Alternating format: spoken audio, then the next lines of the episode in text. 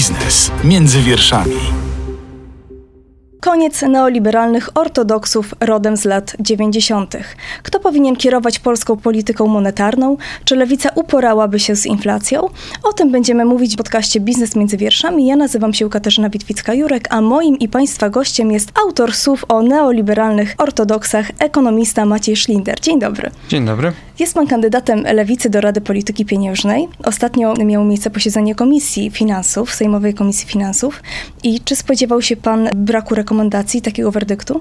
Tak, raczej tak. To znaczy w większości w komisji zasiadają przedstawiciele Prawa i Sprawiedliwości. No i były dwie kandydatki Prawa i Sprawiedliwości, stąd było oczywiste, że zagłosują za, tą, za tymi właśnie kandydaturami przeciwko naszym, choć część osób z obu stron też się wstrzymywała przy naszych kandydaturach, więc to też nie zawsze jest takie bardzo zero-jedynkowe. Natomiast no, nie liczyliśmy na to, że będzie rekomendacja komisji, to arytmetyka w tym wypadku jest nieubłagana.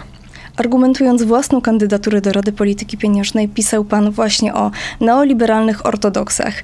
I co tutaj autor miał na myśli, pisząc także o młotkowych i o potrzebie chirurgów w Radzie Polityki Pieniężnej? Próbowałem wytłumaczyć, że ten sposób rozwiązywania dość skomplikowanego problemu, jakim jest inflacja dzisiaj, który ma wiele przyczyn, od, od tych oczywiście zewnętrznych, największych, czyli wysokich cen nośników energii i paliw, przez zerwane łańcuchy dostaw związane z pandemią, po wewnętrzne związane z tak zwaną spiralą marżowo-cenową, one są tak naprawdę zupełnie niezależne, one nie mają charakteru pieniężnego. Więc przyczyny mamy gdzie indziej, więc rozwiązywanie problemu inflacji takiego, jak właśnie dzisiaj występuje poprzez podnoszenie stóp procentowych, jest właśnie takim dość prymitywnym podejściem do, do tego problemu, bo ono oczywiście może przy bardzo wysokich podwyżkach stóp procentowych rozwiązać problem inflacji, ale jednocześnie wpędzając gospodarkę w recesję, powodując bardzo wysokie bezrobocie i powodując likwidację wielu firm. Więc to jest tak naprawdę wylanie dziecka z kąpielą. I w tym sensie mówiłem, że to jest takie bardzo ortodoksyjne myślenie neoliberalne, że oto inflacja jest zjawiskiem pieniężnym i należy właśnie takimi metodami polityki pieniężnej sobie radzić. Moim zdaniem tak po prostu nie jest. To znaczy to raczej polityka fiskalna w zakresie polityki energetycznej, polityki mieszkaniowej, polityki podatkowej to są te miejsca, w których można sensownie rozwiązywać problem inflacji. A jeżeli wierzymy tylko właśnie w tą taką neoliberalną ortodoksję, że to jest odpowiedzialność Rady Polityki Pieniężnej, która ma dość wąskie kompetencje w tym zakresie, no właśnie na przykład związane z manipulacją stopami procentowymi, no to, to, to ulegamy pewnego rodzaju złudzeniu i to szkodliwemu złudzeniu, bo to może prowadzić do decyzji właśnie takich, że mamy poczucie, że okay, skoro jesteśmy odpowiedzialni tylko za stopy procentowe i uważamy, że to ma jakieś znaczenie, to będziemy rzeczywiście podnosić te stopy aż, aż do skutku. No tylko problem polega na tym, że to jest rozwiązanie szkodliwe, niespecjalnie skuteczne. Co wiemy od roku, te stopy są podnoszone już 11 razy, wczoraj jednak nie było po raz 12 podniesione, co akurat jest dobrą decyzją, a inflacja od poziomu 6% wzrosła do poziomu ponad 17%. Więc widać, że to jest rozwiązanie nieskuteczne i tak jak mówię, ono raczej odbija się negatywnie i to akurat też widzimy po naszych chociażby ratach kredytów. Jeśli chodzi o Pana rolę, być może przyszłą w Radzie Polityki Pieniężnej, to widziałam, że już spotkał się Pan z zarzutem, że patrzy Pan może zbyt szeroko na kompetencje, jeśli chodzi o członków Rady Polityki Pieniężnej. Że tutaj mamy się zająć polityką fiskalną, polityką monetarną, a nie patrzeć na różne inne elementy, chociaż no de facto one są ze sobą związane.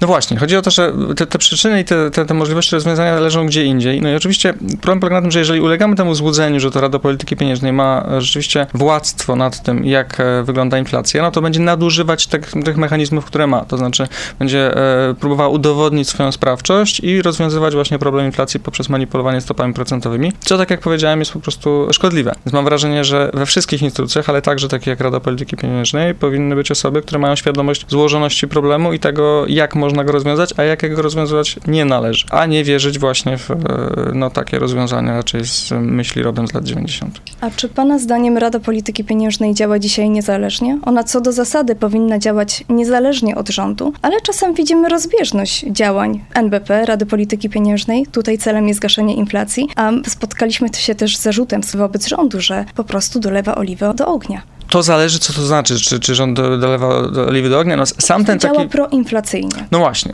No, no, pytanie, czy działa. To znaczy, czasami rzeczywiście może tak być, natomiast to często wychodzi z takiego założenia, że oto jakiekolwiek na przykład świadczenia socjalne to już jest dolewanie oliwy do ognia, z czym się absolutnie nie zgadzam, bo ta inflacja nie ma charakteru popytowego właśnie. Natomiast samo współ, sama współpraca pomiędzy władzą wykonawczą, powiedzmy rządem, a takimi instytucjami jak NBP i Rada Polityki Pieniężnej, moim zdaniem nie jest samo w sobie niczym złym i dzisiaj ona jest dość skomplikowana To znaczy, rzeczywiście jakiś czas temu faktycznie ona była bardziej, było widać, że to są osoby związane jakby z rządem. Na korzyść, niekorzyść, to znaczy, jeżeli rząd wtedy podejmuje dobre decyzje, no to jeżeli Rada Polityki Pieniężnej to w jakiś sposób jest w, porozumieniu, no to oczywiście to może mieć dobre albo złe skutki. E, natomiast sam ten rozdział, to znaczy sam ten bardzo wyraźny, konstytucyjny rozdział, wydaje mi się dość problematyczny. To znaczy, wydaje mi się, że ta, ten też bardzo wąsko ograniczone kompetencje Rady Polityki Pieniężnej i tego, jak funkcjonuje też Polski Bank Centralny, czyli Narodowy Bank Polski, no jest jednak również pewnego rodzaju taką spuścizną myślenia w latach 90., że oto pewne instytucje powinny być od siebie niezależne oraz bardzo skoncentrowane na osobnych e, problemach, no ale pamiętajmy, że inflacja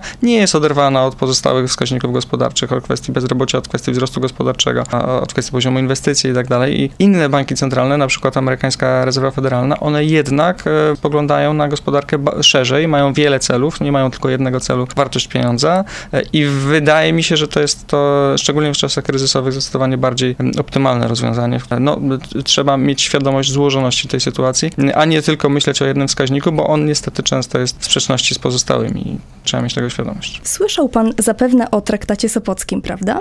Tak, słyszałem. Internet już stworzył definicję tego traktatu sopockiego. Ja może zacytuję tą właśnie definicję. Jest to umowa zawarta 16 lipca 2022 roku pomiędzy prezesem NBP a przypadkową kobietą na molo w Sopocie.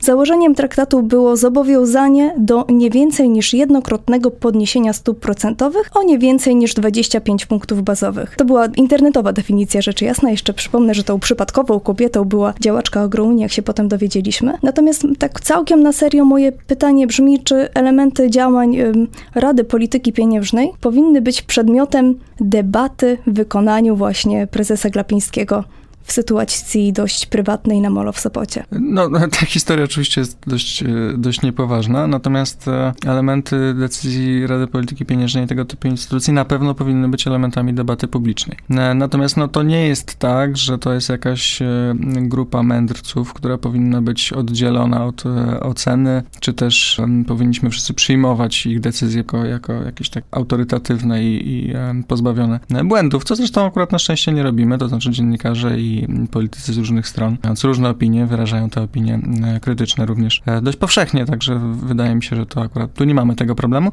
choć wciąż wydaje się nam, że to jest e, sam, to, sam ten fakt oddzielenia Rady Polityki Pieniężnej, właśnie tego wąskiego zarysowania jej kompetencji, jest taką wizją, że oto powinniśmy być rządzeni przez tych, którzy wiedzą, przedstawicieli merytokratycznie wybranych przedstawicieli nauki i profesorów, no to oczywiście ma, ma szereg problem. Po pierwsze, pierwszy problem z samym rozumieniem rozumieniu demokracji, bo oni powinni być jednak, jak wszyscy ludzie podejmujący decyzje, jakoś rozliczalni e, przed, e, przed społeczeństwem. No ale po drugie, oczywiście, no wiadomo, że sposób wyboru tych osób także ma charakter. Znaczy nie ma się co mieć złudzeń, że, że, że zawsze ma wyłącznie charakter merytokratyczny. E, no bo też w prawie żadnej instytucji nie jest do końca tak, że, że on taki ma charakter. Ale mimo wszystko zdecydował się pan kandydować do Rady Polityki Pieniężnej, wiedząc, jaki system towarzyszy właśnie tym wyborom. Oczywiście zdecydowaliśmy się, ponieważ pojawiły się tutaj miejsce do tego, żeby, żeby rzeczywiście zająć się miejsce w Radzie Polityki Pieniężnej. Lewica zdecydowała się zgłosić dwójkę kandydatów, e, mnie i Dariusza Standerskiego. Nie mamy dużych złudzeń, że oczywiście jesteśmy w stanie przekonać większość sejmową, bo to większość sejmowa w tym akurat wypadku wybiera te dwa kandydatów na te dwa miejsca. No oczywiście PiS zgłosił dwójkę swoich kandydatów, no i te pani Duda i pani Masłowska otrzymały pozytywną rekomendację komisji. Ja i Dariusz Standerski otrzymaliśmy negatywną, no ale właśnie dlatego, że, że większość w, w komisji, no to wiedzieliśmy, że ma zjednoczone Zjednoczona Prawica ma też oczywiście większość w Sejmie, więc e, nie spodziewamy się tutaj tego, że nas wybiorą. E, no ale jest to szansa na to, żeby, e, żeby wziąć udział po prostu w dość istotnej debacie na temat polityki pieniężnej, na temat ostatnich decyzji Rady Polityki Pieniężnej, na temat funkcjonowania NBP, na temat polityki gospodarczej inflacji w ogóle. I w tym sensie no, nam zawsze oczywiście zależy, żeby ten po pierwsze lewicowy głos był, był słyszalny, ale mnie też zależy na tym, żeby taki głos no nie neoklasyczny, to znaczy taki wykraczający poza ekonomię głównego nurtu, która wydaje mi się dość problematyczna, żeby on no jakoś wybrzmiał w debacie publicznej. E, no bo takich możliwości e, jest, no na szczęście dzisiaj coraz więcej, bo ten trend jest akurat pozytywny dla, dla takiego pluralizmu, powiedzmy, w myśleniu ekonomicznym. Natomiast wciąż, wciąż tej przestrzeni nie ma bardzo dużo. Jeszcze wrócę może do kwestii tego, jak postrzegamy NBP Czy Pana zdaniem NBP już stracił swoją renomę, powagę właśnie przez te liczne wpadki, przez traktat Sopocki? To po pierwsze. Jeszcze wcześniej tak naprawdę NBP oberwało się między innymi za to, że prezes Glapiński w momencie, kiedy stopy procentowe były na rekordowo niskim poziomie, no, wprost zachęcał ludzi do zaciągania kredytów. Zapewniał, że te stopy nie wzrosną, a na pewno nie wzrosną tak szybko i tak gwałtownie. Druga kwestia to na przykład konto biura prasowego NBP na Twitterze. Nie wiem, czy pan znał tą sprawę. Główne konto tak ważnego urzędu jak NBP pisze o Gargamelu, o kierowniku polowania i tak. No, chyba jest nad czym pracować. No tak, to, to, w tym zakresie, jeżeli chodzi o politykę informacyjną, zarówno prezentowano przez samego pana prezesa, jak i no, takie właśnie komórki, jak osoby zarządzające mediami społecznościowymi, no to tutaj było bardzo dużo, znaczy powiedziałbym, że jest bardzo dużo do poprawy. Trzeba przyznać, że faktycznie wiele wypowiedzi no, było takich, które wprowadzały w konfuzję, były pochopne dość. Czy to powoduje, że NBP stracił powagę? No to jest oczywiście pytanie, jak podchodziliśmy do tej instytucji wcześniej i jak ocenialiśmy mm, działania poprzednich prezesów i tutaj ja oczywiście także byłbym dość, dość krytyczny, więc to jest rzecz, mm, powiedziałbym, nie najistotniejsza, ale jednak niezaniedbywalna. To znaczy to jednak tak, że ta polityka informacyjna ma wpływ na nastroje, na nastroje, ma wpływ na oczekiwania, ma wpływ na zachowania ludzi. To jest jednak ważna pozycja takiej też debacie publicznej. No i tutaj oczywiście odpowiedzialność za słowo jest, jest w cenie, więc no, z pewnością wiele wypowiedzi było niepotrzebnych lub nadmiernie koloryzowanych właśnie metaforami, to z pewnością. To wróćmy do polityki monetarnej. Jak pan widzi generalnie przyszłość, jeśli chodzi o stopy procentowe, o drożyznę, o inflację i tak dalej? Jeśli chodzi o stopy procentowe, no to rzeczywiście mieliśmy tą decyzję o niepodnoszeniu tych stóp. E, nie jestem pewien, no być może oczywiście w wyniku jakichś traktatów, porozumień lub decyzji to jest decyzja długoterminowa, to znaczy to jest niejednorazowa decyzja o odłożeniu tych podwyżki stóp, tylko, e, tylko tak po prostu e, już teraz na tym poziomie mniej więcej będzie, ale trudno mi to do końca przewidzieć. No, to trochę zależy zależy od też gry sił w ramach e, wewnątrz Rady Polityki Pieniężnej i ona też jest zmienna wraz z kolejnymi wyborami, mm, więc to nie jest do końca tak, że, że, że jesteśmy, no trzeba było być bardzo wewnątrz, żeby, żeby to przewidzieć, to często przypomina takie trochę wróżenie z fusów i takie wnioskowanie po tym, jak kto się uśmiechnie, albo jak kto, co, co robił w czasie prywatnym, to jak może zagłosować w e, najbliższym e, głosowaniu dotyczącym stóp procentowych. Więc ja nie chciałbym wchodzić rzeczywiście w tego typu dywagacje i przewidywania, jak to, jaka tutaj będzie dynamika, natomiast y, z pewnością powiem, co, co chciałbym, żeby było, to znaczy jak, jak uważam, że, że tego typu polityka powinna być prowadzona. No moim zdaniem rzeczywiście po prostu stopy procentowe nie są w tym wypadku rozwiązaniem problemu inflacji czy drożyzny. To po prostu nie w ramach polityki pieniężnej leżą, leżą klucze, które mogą nam pozwolić otworzyć drzwi do rozwiązania tych problemów, ale też, y, tak jak powiedziałem w tej pierwszej części, to jest zakres polityki y, po pierwsze energetycznej, czyli, czyli na pewno nadrobienie olbrzymich zaległości tak naprawdę wszystkich rządów po 89, czyli, e, czyli nie zbudowanie e, na przykład systemu mm, e, elektrowni jądrowych, no, zbyt małe inwestycje w odnawialne źródła energii, stanowczo zbyt małe, więc to powoduje, że nasza gospodarka jest niezwykle gospodarką energochłonną, to znaczy, że Ale każdy... czy kryzys to jest miejsce i czas, żeby robić taką rewolucję w energetyce? To, ta rewolucja, znaczy rewolucja, transformacja energetyczna jest absolutnie konieczna tak czy inaczej, to znaczy ona jest konieczna z uwagi na właśnie też te skutki, które widzimy związane z drożyzną i wysokimi cenami, ale ona jest też konieczna z powodów klimatycznych. To jest coś, co, co jakby tylko państwo może wziąć za to absolutnie odpowiedzialność e, i to, że dotychczasowe rządy e, lekceważyły tak naprawdę w dużej mierze ten problem, jest e, moim zdaniem jednym z największych zaniedbań politycznych.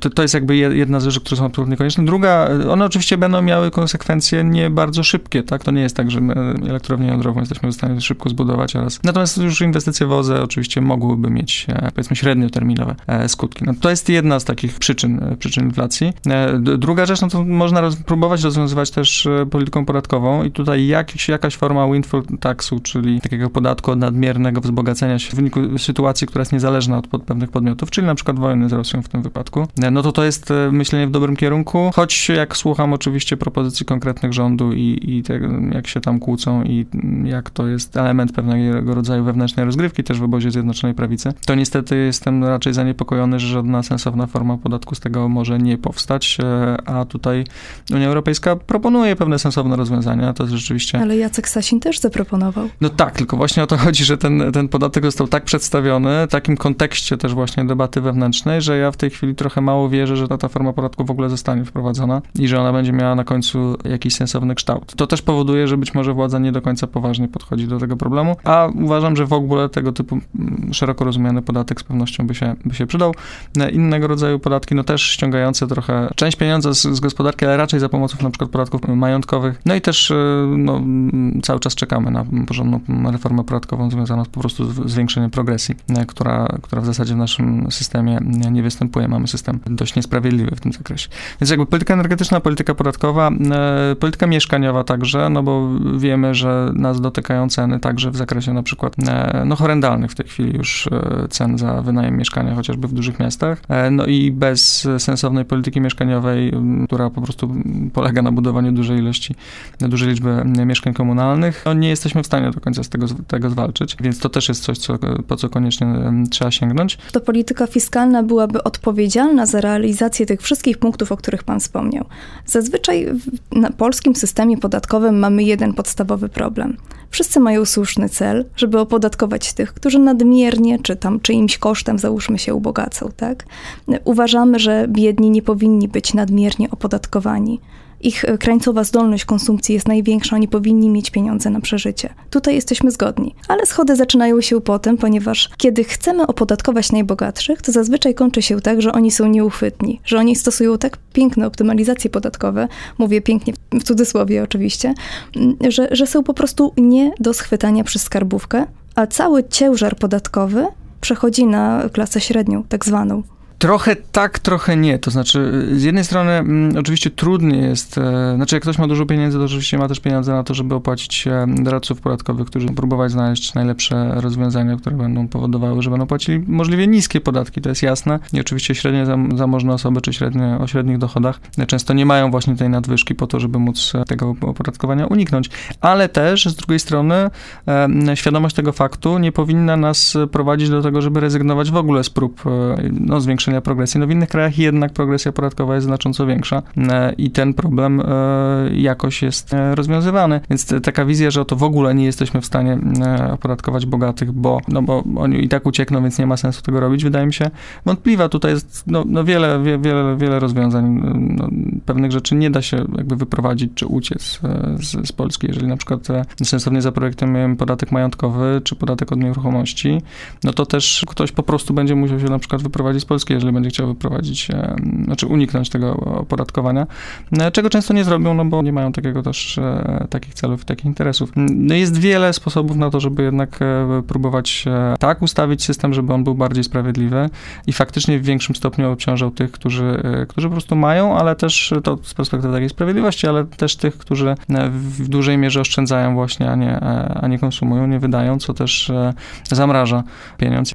Ale co to znaczy oszczędzają? O których ludzi chodzi? O tych bardzo bogatych, czy o tą klasę średnią, która gdzieś tam oszczędza? Co wynika raczej z, z rozsądnej ekonomicznej decyzji? Oczywiście, nie, nie. No, a nie to, to, to nie chodzi, niesprawiedliwości. Tak jest, nie, nie chodzi o, o krytykę indywidualnych mm. decyzji co do oszczędzania tego, że chce na przykład oszczędzić na to, żeby móc zebrać pieniądze na to, żeby kupić lodówkę, samochód czy coś w tym rodzaju. To, to, to absolutnie nigdy nie jest problem, tylko że jak spojrzymy na takie statystyczne dane, no po prostu znaczna większość tego, co zarabiają osoby mniej zamożne i mniej zarabiające jest po prostu wydawane w krótszym lub y, średnim okresie. Natomiast jeżeli chodzi o najbogatszych, to oni tak naprawdę tutaj to nie wydawanie, to nie jest odkładanie po to, żeby mieć, nie wiem, bezpieczną starość albo żeby po prostu zebrać na, na zakup czegoś, co, co jest potrzebne, tylko to jest często tak naprawdę pewnego rodzaju też gra statusowa, to znaczy ja jestem na tyle bogaty i, i też niemożność już specjalnie niechęć do, do tego, żeby wydawać na co, cokolwiek sensownego, a nawet jak wydają, to często na towary luksusowe, które akurat też są towarami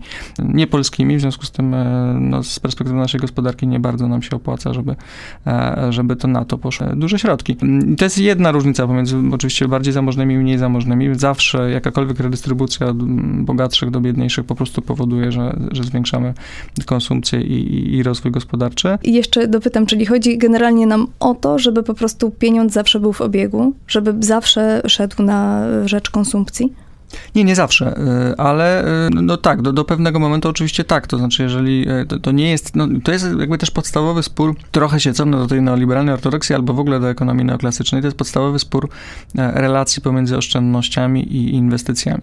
I mam wrażenie, że świadomość tego, jak działa system bankowy, no jednak e, każe nam rozumieć, że to nie jest tak, że inwestycje pochodzą z oszczędności, znaczy to nie jest tak, że najpierw musimy skłonić kapitał do tego, żeby odpowiednią dużą część e, pieniędzy odłożył w postaci oszczędności, żeby w ogóle mógł zainwestować. To jest raczej tak, jak e, uczył tego nas otóż w zasadzie prawie 100 lat e, Michał Kalecki, mówiąc, że to jest dokładnie odwrotnie. To, mm, to e, inwestycje, większe inwestycje powodują, że te oszczędności się mogą w ogóle pojawić, dlatego, że banki właśnie nie potrzebują naszych depozytów po to, żeby udzielać kredytu. To nie jest tak, że musimy najpierw zgromadzić te pieniądze i dopiero wtedy bank te same pieniądze komu, może komuś przekazać na inwestycje. Bank udziela kredytów E, decydując po prostu o, o, o tym, czy jest w stanie na, na poziomie pewnego, pewnego procentowania uzyskać zwrot, więc tak naprawdę tworzy e, pieniądze e, znacznie większe tak, w, w akcji kredytowej niż, niż posiada w depozytach. No a to, czy się decyduje na ten krok, zależy od tego, czy jest odpowiedni popyt. A więc znowu wracamy do tego, czy, czy ludzie konsumują, to znaczy, jeżeli ktoś chce zainwestować, to dostanie kredyt, jeżeli ma pomysł na to, jak wytworzyć usługę lub dobro, która po prostu zostanie sprzedana. Jeżeli mamy więcej popytu na rynku, więcej osób, które mają możliwości nabywcze, mogą po prostu kupić towary i usługi, no to też szansa na powodzenie takiego przedsiębiorstwa jest większa, a więc możliwości kredytowe również, e, również są większe. Więc e, to w ten sposób dbajmy o, mm, o efektywny popyt, w ten sposób dbamy o inwestycje i w ten sposób dopiero dbamy o oszczędności, a nie odwracajmy tego, e, że najpierw musimy zgromadzić oszczędności, a więc tak naprawdę zamrozić pieniądz po to, żeby potem były inwestycje, bo tak nie działa po prostu system bankowy, tak po prostu nie działa mhm. ekonomia. A czy pan się zgadza ze stwierdzeniem, znaczy z zarzutem, który padał głównie w kierunku rządzących, jak już mówiliśmy, o tym, że świadczenia wypłacane najuboższym, przynajmniej w założenia najuboższym, działają proinflacyjnie. I jest to na bakier z tym, co robi RPP. Znaczy nie ma tu żadnej korelacji pomiędzy jednym i drugim. Też właśnie dlatego, że nie ma, ta inflacja po prostu nie ma przyczyn popytowych. One są albo zewnętrzne, albo jeżeli, jeżeli nie zewnętrzne, no to wynikające raczej właśnie ze spirali marżowo-cenowej, to znaczy z e, narzucenia nadmiernych marsz na już rosnące ceny, dlatego, że konsumenci są już przygotowani do tego, że ceny rosną z uwagi właśnie na przykład na wzrost cen e, energii, czy, czyli na, na powiedzmy wojnę, wiedzą, że była wojna, wiedzą, że była pandemia, wiedzą, że ceny muszą rosnąć, więc też część e, firm wykorzystuje to, nakładając jeszcze większą marżę. I charakter tej inflacji uzasadnia pańskim zdaniem e, przyznawanie różnych świadczeń? Mam tutaj na myśli na przykład tarczę antyinflacyjną. Kiedyś był dodatek osłonowy, czy nawet piętnastki, czternastki dla emerytów. Znaczy piętnastek jeszcze nie ma, są gdzieś tam w debacie publicznej na razie. Tak, e, no to, to zależy oczywiście od konkretnych rozwiązań, to znaczy mnie też sensowniejsze wydaje się po prostu odpowiednie waloryzowanie emerytur, to znaczy zwiększanie po prostu ich wysokości, ale w takim sensie, że po prostu co miesiąc one są wyższe niż niż koniecznie e, takie albo jednorazowe, no już powiedzmy trzynastka jest ustawowa, natomiast e, takie, takie strzałowe, bo one faktycznie wtedy mają taką, takie, noszą znamiona, że to jest takie działanie, no jednorazowe, powiedzmy to trochę wyborcze. Natomiast no, samo myślenie o wspieraniu osób, e, czy to seniorów, którzy w Polsce mają no jednak wyjątkowo ciężko z uwagi na no absolutnie brak usług opiekuńczych, które, których potrzebują, brak geriatrów, no naprawdę trudną, trudną sytuację, no to tu wydaje mi się absolutnie niekontrowersyjne i też wspieranie osób czy to uboższych, czy, czy, czy, czy średnio zamożnych w zakresie, no w takiej trudnej sytuacji inflacyjnej, także wydaje mi się odpowiedzialnością rządu, no bo inaczej uznajemy, że koszty kryzysu, który ma charakter polityczny i zewnętrzny w dużej mierze, po prostu zrzucamy na tych e, słabszych, co oczywiście w historii miało nieraz już, e, mieliśmy do, do czynienia z, takim, z taką sytuacją, to jest mówiąc szczerze częsty sposób radzenia sobie z problemem, no ale to jest e, sposób radzenia sobie, który wydaje mi się niezwykle niesprawiedliwy, no i temu zawsze będę się starał przeciwstawiać. Jeżeli elementem, poza elementami zewnętrznymi wysokiej inflacji w Polsce jest właśnie ta spirala marżowo-cenowa, a więc wyjątkowo tak naprawdę dobre wskaźniki e, polskich przedsiębiorstw, szczególnie dużych i średnich, bo małe faktycznie także z uwagi na wysoką inflację problemy z kredytami mają, mają duże problemy, no to, no to nie może być tak, że my pozwalamy w trudnych czasach tym, którzy są silniejsi, na tym korzystać lub nie tracić, a, a zostawiamy na lodzie po prostu większość biedniejszą większość społeczeństwa. Czyli y, rozwiązaniem poniekąd, jeśli chodzi o jakiś egalitaryzm, o to, żeby pomagać po prostu najbiedniejszym, którzy tak naprawdę w największym stopniu cierpią na kryzysie, y, mogą być jakieś formy wsparcia finansowego, jakieś świadczenia. I teraz pytanie, jak zrobić mm, taki system świadczeń, żeby nie był to element marketingu politycznego, tylko żeby trafiać tam, gdzie są potrzeby. Y, bo mam takie wrażenie, zresztą nie tylko ja, wielu ekonomistów też tak mówi, że, czy też jak pan wcześniej wspomniał, że słusznym rozwiązaniem byłaby waloryzacja, aniżeli trzynastka i czternastka. Ale jakoś nie widzę na tych plakatach wyborczych, żeby tam była waloryzacja. To, to nie jest tak chwytliwe hasło, jak właśnie pieniądze do ręki. Znaczy, to, tak czy inaczej to są pieniądze do ręki, tylko po prostu albo rozłożone w jakimś czasie, albo, albo powiedzmy w, w, bardzo krótkim. Więc tutaj nie chodzi o to, czy są pieniądze do ręki, czy nie, tylko na ile to jest rzeczywiście takie działanie doraźne, a na ile to jest e, zmiana systemowa dająca pewne bezpieczeństwo. Ja mam wrażenie, że poza samą, e, poza samymi świadczeniami, poza samą pomocą, poza, poza samą interwencją tego typu, czy to w zakresie e, świadczeń, czy, czy, czy różnych innych e, form wsparcia, no to ważne jest, żeby też za tym szło poczucie be, e, bezpieczeństwa bezpieczeństwa. To znaczy, że to są e, rozwiązania właśnie systemowe i trwałe, też dlatego, że one po prostu wtedy budują i pewnego rodzaju zaufanie do państwa, jako takiego, które wydaje mi się, że zawsze powinno być czymś, na czym nam zależy, no ale także właśnie takie głębsze poczucie bezpieczeństwa, że oto ja wiem, że właśnie będę miał to, to, to wsparcie także w przyszłych miesiącach, w przyszłych latach, bez względu na to, jak się zmienią rządy, czy jak się zmieni sytuacja zewnętrzna. Że po prostu mogę ufać swojemu państwu. No i to jest coś, co jest trudne do zbudowania. My przez lata e, polityki publicznej, która raczej ignorowała tego typu problemy. Niestety, no nie zbudowaliśmy w Polakach dużego zaufania do własnego państwa, takiego jak chociażby można mówić o, o zaufaniu w krajach chociażby skandynawskich. E, to oczywiście jest problem, no bo to też warunkuje, czy na przykład ktoś uważa, że płaci odpowiednie podatki i czy nie chce ich unikać, e, więc też nasz stosunek do państwa także jest pochodną tego, jak, jak państwo stoi na wysokości zadań. Ten zamknięty krąg trzeba w pewnym momencie przerwać i po prostu przez odpowiednio długi czas prezentować rozwiązania, które dają to bezpieczeństwo w sposób właśnie systemowy. Dlatego po pierwsze waloryzacja emerytur, ale także no to coś, co akurat PiS zaniedbuje, no bo łatwiej jest rzeczywiście często i to, to często dobrze, znaczy potrzebne były świadczenia takie jak 500+, plus, potrzebne są e, świadczenia wzmacniające e, sytuację emerytów, no ale nie kosztem albo no nie bez, przy, przy zaniedbaniu e, innych polityk publicznych związanych chociażby z usługami publicznymi. Potrzebujemy jednego i drugiego, a tutaj jeżeli chodzi o usługi publiczne, to oczywiście jest bardzo, bardzo dużo do Stąd się bierze rozczarowanie do rządu i, ogólnie do takiej bardziej socjalnej polityki. Płacimy podatki, są różne świadczenia, ale my nie widzimy efektów tu i teraz w postaci jakości usług publicznych. Tak, tak. To jest jeden z tych elementów, które. No, to też jest przewaga w ogóle e, wszelkiego rodzaju e, pewnych powszechnych rozwiązań. To znaczy, czy to pieniężnych, czy niepieniężnych. To nawet nie chodzi o podział na to, czy to są świadczenia, czy to są usługi, tylko czy one jakby potencjalnie lub w ogóle trafiają do większości i w związku z tym my czujemy, że jesteśmy elementem pewnej wspólnoty, która po prostu nam coś gwarantuje. No i jeżeli na przykład inwestujemy w ochronę zdrowia, no to jesteśmy elementem takiej wspólnoty, czy na przykład edukację, czy, czy transport publiczny, to są rzeczy, z których każdy z nas może korzystać i korzysta. To Natomiast, e, no oczywiście, jeżeli to są świadczenia kierowane tylko do pewnych grup, no to, to jasne jest, że, że, że, że zwiększenie emerytur, chociaż konieczne, no to no nie powoduje zawsze wsparcia osób, które do emerytury jeszcze mają bardzo długo i o tym po prostu nie myślą. No więc e, zaniedbywanie usług publicznych i świadczeń o charakterze uniwersalnym. 500 plus jest tutaj dość szerokim i w tym sensie trafia do dużej liczby osób, więc jego poparcie wydaje mi się tutaj nieproblematyczne nie, nie, nie i raczej także politycznie korzystne oraz e, społecznie i ekonomicznie zasadne. Natomiast, y, no, no tak, no, to, to zestawienie usług y, publicznych samych sobie, a nawet pogorszenie w niektórych ich dziedzinach, no to, to, to, to jest rzecz, którą y, na pewno trzeba, no, trzeba poprawić. Mówiliśmy o świadczeniach, więc płynnie przejdę do kwestii bezwarunkowego dochodu podstawowego, który Państwo zaproponowali. Pierwsze pytanie, no mówimy właśnie o tym, żeby, żeby te świadczenia miały sens, to muszą celować w te grupy docelowe, to znaczy tam, gdzie jest potrzeba, tam robimy jakieś świadczenie. Jak Państwo badali zapotrzebowanie na taki dochód podstawowy, bezwarunkowy? Znaczy, e, e, zapotrzebowanie jest oczywiście, e, to, to zależy, co znaczy, pani Jeśli by to miała być sonda na przykład tak, jak ktoś, ktoś się zapyta, czy chcesz to... za darmo pieniądze, to owszem, chcę. I tak nam wyszło, żeby wprowadzić. No to nie tak raczej to działa, tak? No nie, no tak, no to absolutnie, absolutnie nie. Tym bardziej, że na, na tym etapie to myślę, że to jest moment na zrobienie dobrego programu pilotażowego, stąd ten e, pomysł właśnie wraz z Stowarzyszeniem Warmińsko-Mazurskich Gmin, Gmin Pogranicza, aby właśnie w gminach pogranicza, no, północnych Warmii i Mazur taki eksperyment przeprowadzić. Czy to odpowiada na, na potrzebę? No, na pewno na szereg problemów, które widzimy. To jest region rzeczywiście dość doświadczony trudnym, trudną sytuacją społeczną po, e, po transformacji.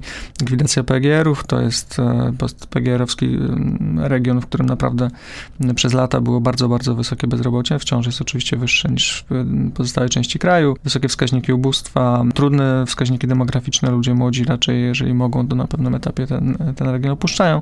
E, no więc to jest miejsce, w którym mamy do czynienia z bezrobociem, biedą, e, niepewnością. E, I to są dokładnie te problemy, które na poziomie już powiedzmy globalnym także dotykają dzisiejszych społeczeństw. Do podstawy po prostu na te problemy odpowiada. Po pierwsze, redukuje poziom też nierówności, o których mówiłem wcześniej, w dość znaczący sposób. Po drugie, tak naprawdę skutecznie likwiduje biedę, dlatego że, że nie zostawia nikogo poprzez na przykład jakieś skomplikowane systemy przydzielania albo cały szereg innych mechanizmów, które powodują, że świadczenia kierowane do ubogich często do nich nie trafiają. W ten sposób to jest takie świadczenie, które oczywiście obejmuje także osoby, które tego nie potrzebują, ale dzięki temu nikogo nie zostawiamy na lodzie i to jest, to jest jednak rzecz No właśnie tutaj kluczowa. był pierwszy zarzut, znaczy pierwsza taka myśl, no przecież mamy zasiłki dla bezrobotnych, tak? No tak, tylko zasiłki dla bezrobotnych pobierane są przez jakieś kilkanaście procent osób bezrobotnych, a więc bardzo niewielką część. E, Pytanie, kto jest zarejestrowany w Urzędzie Pracy. Tak, tak. Nie, no tutaj ten, ten system jest e, wyjątkowo no, mało hojny, mało szczelny, one też są niskie, więc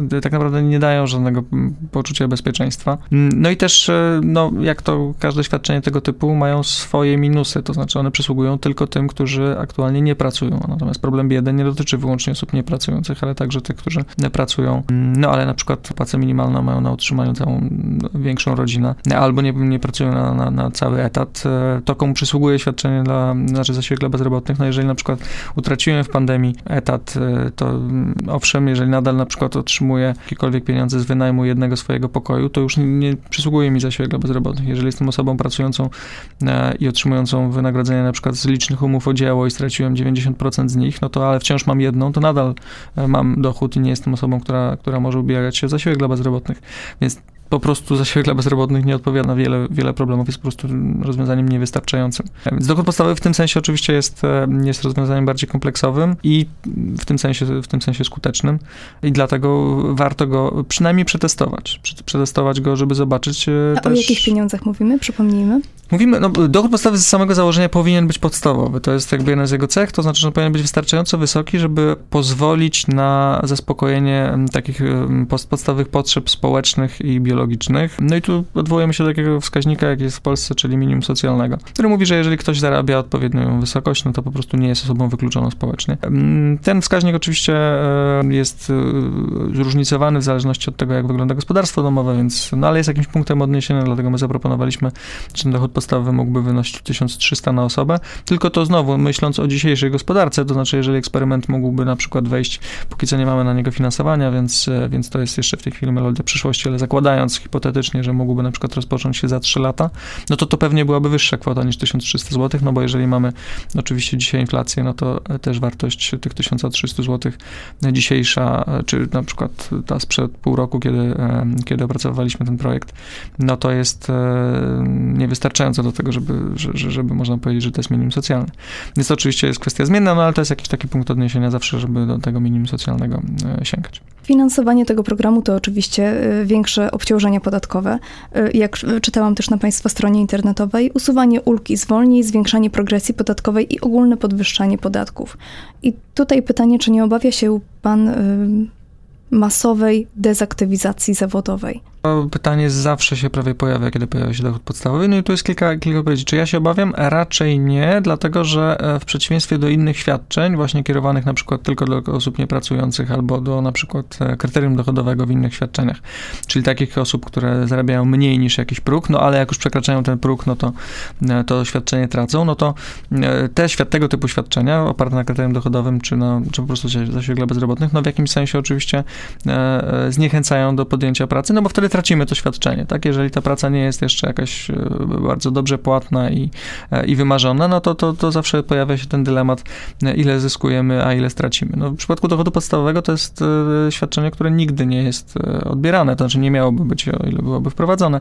To znaczy nie ma tego momentu, w którym nie opłaca mi się podjąć pracy, albo nie opłaca mi się zwiększyć swoich godzin pracy i jednocześnie... Czyli nawet jeśli pracuję, to przysługuje mi świadczenie. Tak, tak, tak. Ono będzie proporcjonalnie do moich dochodów, załóżmy, gdyby to był program wprowadzony ogólnokrajowy, załóżmy, tak? Nie, nie, nie. Ono musi być jakby w równym, równej wysokości. Każdemu tyle samo bez względu na zarobki. Tak, bez względu, tak, tak, tak, mhm. bez względu. Zarobki nie mają wpływu na wysokość dochodu podstawowego, zarobki mają wpływ na poziom opodatkowania. To oznacza, że po prostu na pewnym etapie e, nasz e, dochód podstawowy, no jeżeli odpowiednio wiele zarabiamy, jest tak naprawdę niwelowany przez to, że, że płacimy wyższe podatki, no ale to byłby na dość wysokim poziomie. To znaczy większość e, zgodnie z takimi modelami, które, które to dobrze wyliczały w innych krajach, my w Polsce jeszcze takiego modelu nie opracowaliśmy, no to, no to mniej więcej 70-80 parę procent społeczeństwa, tych oczywiście mniej zarabiających e, i średnio zarabiających, no to to są osoby, które na takiej reformie, czyli jednocześnie wprowadzeniu dochodu podstawowego i, i pewnego rodzaju podwyżkach podatkowych, na takich reformach by korzystały. E, no te 10, kilkanaście procent to byłyby osoby, które mogłyby na tym finansowo stracić, ale społecznie zyskać, dlatego że my w ten sposób nie tylko kupujemy pewnego rodzaju redystrybucję czy bezpieczeństwo dla jednych, ale także bezpieczeństwo dla wszystkich, no bo pamiętajmy, że, e, że mniejsze nierówności to także mniejsza przestępczość, mniejsze obciążenie ochrony zdrowia, mniejsze nie wiem, zużycie, znaczy nadużywanie środków e, szkodliwych, także nawet w sytuacji, w której jestem osobą w miarę zamożną, to moje szczęście i to, jak funkcjonuje, jest e, wyższe w społeczeństwach bardziej egalitarnych, równiejszych. Dlatego właśnie, że na przykład nie obawiam się tego, że zdeklasowana grupa e, najbiedniejszych przyjdzie i mnie tutaj zaraz ograbi czy podpali i w związku z tym muszę więcej wydawać na ochronę i na mury wokół mojej willi. Nie jest tak, że ta świadomość tego, że jesteśmy kowalami własnego losu, mam wrażenie, że też już się coraz, coraz bardziej zmienia. No, coraz więcej jest zmiennych, które, na które nie mamy żadnego wpływu. I tu właśnie te kryzysy zewnętrzne pokazują, że to, to, to jest często przypadek, i że to jednak po pierwsze ryzyko, ale po drugie też e, to, jak jesteśmy urodzeni. E, o ile no, nie mamy tak długiej historii, no, z uwagi na PRL, oczywiście nasza historia gromadzenia majątków jest, jest, ma trochę inny charakter niż na Zachodzie, no, mm, to jednak już, już widzimy, że dzieci bardzo bogatych rodziców no, po prostu mają łatwiej. I to, to, to, to nie jest tak, że one, że, że nie są pracowite, nie są zdolne, nie, nie doszły do, do swoich jakby osiągnięć e, właśnie tą pracą, bo to, to, też nieprawda, tylko że miały znacznie więcej możliwości, żeby te swoje pozytywne przymioty na, na, na jakikolwiek sukces finansowy e, przełożyć. No, jeżeli ktoś mógł na przykład e, dwukrotnie podjąć złe decyzje inwestycyjne, co do na przykład założenia firmy, ale jednak za trzecim razem również dostał pieniądze od rodziców po to, żeby móc z tym wystartować i w końcu trafił, no to oczywiście no, na końcu trafił, podjął decyzję słuszną i włożył w to dużo pracy, no tylko, że ogromna większość społeczeństwa nie ma tej trzeciej szansy, a nawet często nie ma tej pierwszej. Ale takie nierówności są... były z nami od zawsze i raczej nie wiem, czy są szanse, żeby je do końca wyeliminować. Nie ma, ale to też nie jest gra o sumie, że to jest jakby czarno albo białe, tak? To znaczy, to jest rzeczywiście przestrzeń tego, jak duże są te nierówności. Mm. Po prostu chodzi o to, żeby one były możliwie niskie. No jakby nie chodzi o to, żeby stworzyć społeczeństwo, w którym nierówności nie istnieją, bo też nikt tego sensownie nie postuluje, to nie byłoby także w żaden sposób sprawiedliwe. Natomiast te nierówności po prostu są zbyt, e, dzisiaj zbyt wysokie, one rosną od lat i, e, i w porównaniu z e, innymi krajami europejskimi w Polsce są dość wysokie, no i też w porównaniu z naszą sytuacją po prostu wcześniejszą są wyższe, to znaczy po prostu wzrosły. No i to ma swoje konsekwencje, konsekwencje bardzo negatywne, społeczne, tak jak powiedziałem, ale także gospodarcze, to znaczy też społeczeństwo większych nierówności, no także jest społeczeństwem, które nie wykorzystuje swojego potencjału, e, także gospodarczego, to znaczy jeżeli pozwalamy na to, żeby ktoś był na tej dole drabiny społecznej i tak naprawdę przy wielkich nierównościach też nie mamy do czynienia z mobilnością, to znaczy bardzo trudno jest po tej drabinie skakać, bo te szczebelki są e, oddalone od siebie o, o, większe odległości, e, co powoduje, że my marnujemy talenty, zdolności tych osób, które po prostu no, zdarzyło im się być na dole, bo urodziły się nie w takiej rodzinie, tylko w innej. Mm, no i w ten sposób tak naprawdę na przykład zmuszamy te osoby do pracy, która zupełnie ich nie rozwija i nie jest w stanie nic nam dać. Właśnie o pracy chciałabym też porozmawiać. Państwo mają ciekawą koncepcję, generalnie definicję czy postrzeganie pracy. E, przywykliśmy generalnie przez całe pokolenia do tego, że praca jest podstawowym źródłem utrzymania, że praca to jest wartość. I nauczyliśmy się wykonywać pracę, którą lubimy lub też nie lubimy. Natomiast Państwo zasugerowali, proszę mi powiedzieć, jeśli, jeśli się mylę, że praca jest pewnym przywilejem, co uzasadnia wprowadzenie właśnie tego mm, dochodu podstawowego dyskusja o dochodzie podstawowym pozwala nam myśleć o pracy szerzej. To znaczy myśleć o tym, żeby no, no, właśnie nie wyłącznie myśleć o pracy jako o czymś, co robimy po to, żeby dostać mhm. pieniądze, bo często, y, znaczy większość tak naprawdę pracy wykonywanej na świecie to, są, to jest praca, która jest e, nieopłacana. To jest praca opiekuńcza, to jest praca domowa, głównie wykonywana przez kobiety. I my nie widząc tego, że ona jest nie tylko niezbędna do naszego przetrwania, ale także niezbędna do tego, żeby odpowiednio funkcjonowała gospodarka, bo to, że mąż może pracować więcej i zarabiać więcej pieniędzy jest zależne od tego, że pewne podstawowe jego czynności życiowe są mm, zapewniane przez pracę na przykład e, żony w domu. I jakby jeżeli my ignorujemy te, tego typu pracę, no to bardzo wąsko myślimy o, o tym, co jest, co jest pracą. No I, I w tym sensie dochód, który właśnie mówi, ok, to jest, to są pieniądze dla wszystkich bez względu na to, czy, czy, czy pracujesz w tym wąskim sensie, czy, czy, czy, czy, czy nie pracujesz w tym wąskim sensie, no to zmusza nas właśnie do rozmowy o tym, jak rozumiemy pracę, co jest rzeczywistym wkładem w dobro społeczeństwa. No wszystkie te argumenty, że to jest niesprawiedliwe, bo ty nic nie dajesz społeczeństwu, a jednak dostaniesz coś od społeczeństwa, no ale jak to mierzysz? Jeżeli mierzysz to wyłącznie tym, że ktoś po prostu jest zatrudniony, no to to jest trochę mało. To, to, to jest bardzo wąski wskaźnik, bo, bo można wkładać do społeczeństwa bardzo wiele i jednocześnie nigdy nie pracować w sensie najemnym albo w sensie, w sensie zarobkowym, właśnie poprzez pracę opiekuńczą, czy, czy, czy pracę domową, czy nawet na przykład wolontariat, czy pracę społeczną, bo wiele, wiele też takich prac wykonywanych po prostu w, w ramach na przykład pewnej po, pomocy sąsiedzkiej, czy, czy, czy też pracy aktywistycznej. I w tym sensie raczej tak wolałbym myśleć o, o pracy, a, a, nie, a nie w sposób wąski. Więc w tym sensie oczywiście pra, praca nie jest przywilejem, praca jest pewną podstawową aktywnością ludzką w ogóle, czyli czymkolwiek, co robimy po to, żeby przynieść jakąś korzyść społeczeństwu czy, czy najbliższym. I w tym miejscu muszę postawić kropkę. Żegnam się z Państwem tradycyjnie z nadzieją, by głos ekspertów i ekonomistów bez względu na barwy polityczne zawsze był słyszalny i zauważalny w większym stopniu niż owoce marketingu politycznego. I taki właśnie jest cel naszego podcastu, w którym gościem był dzisiaj ekonomista Maciej Szlinder. Serdecznie dziękuję. Dziękuję bardzo. A Państwu polecam wszystkie nasze podcasty. Jesteśmy na playerze Radia Z i Spotify. Dziękuję bardzo i do usłyszenia. Biznes między wierszami.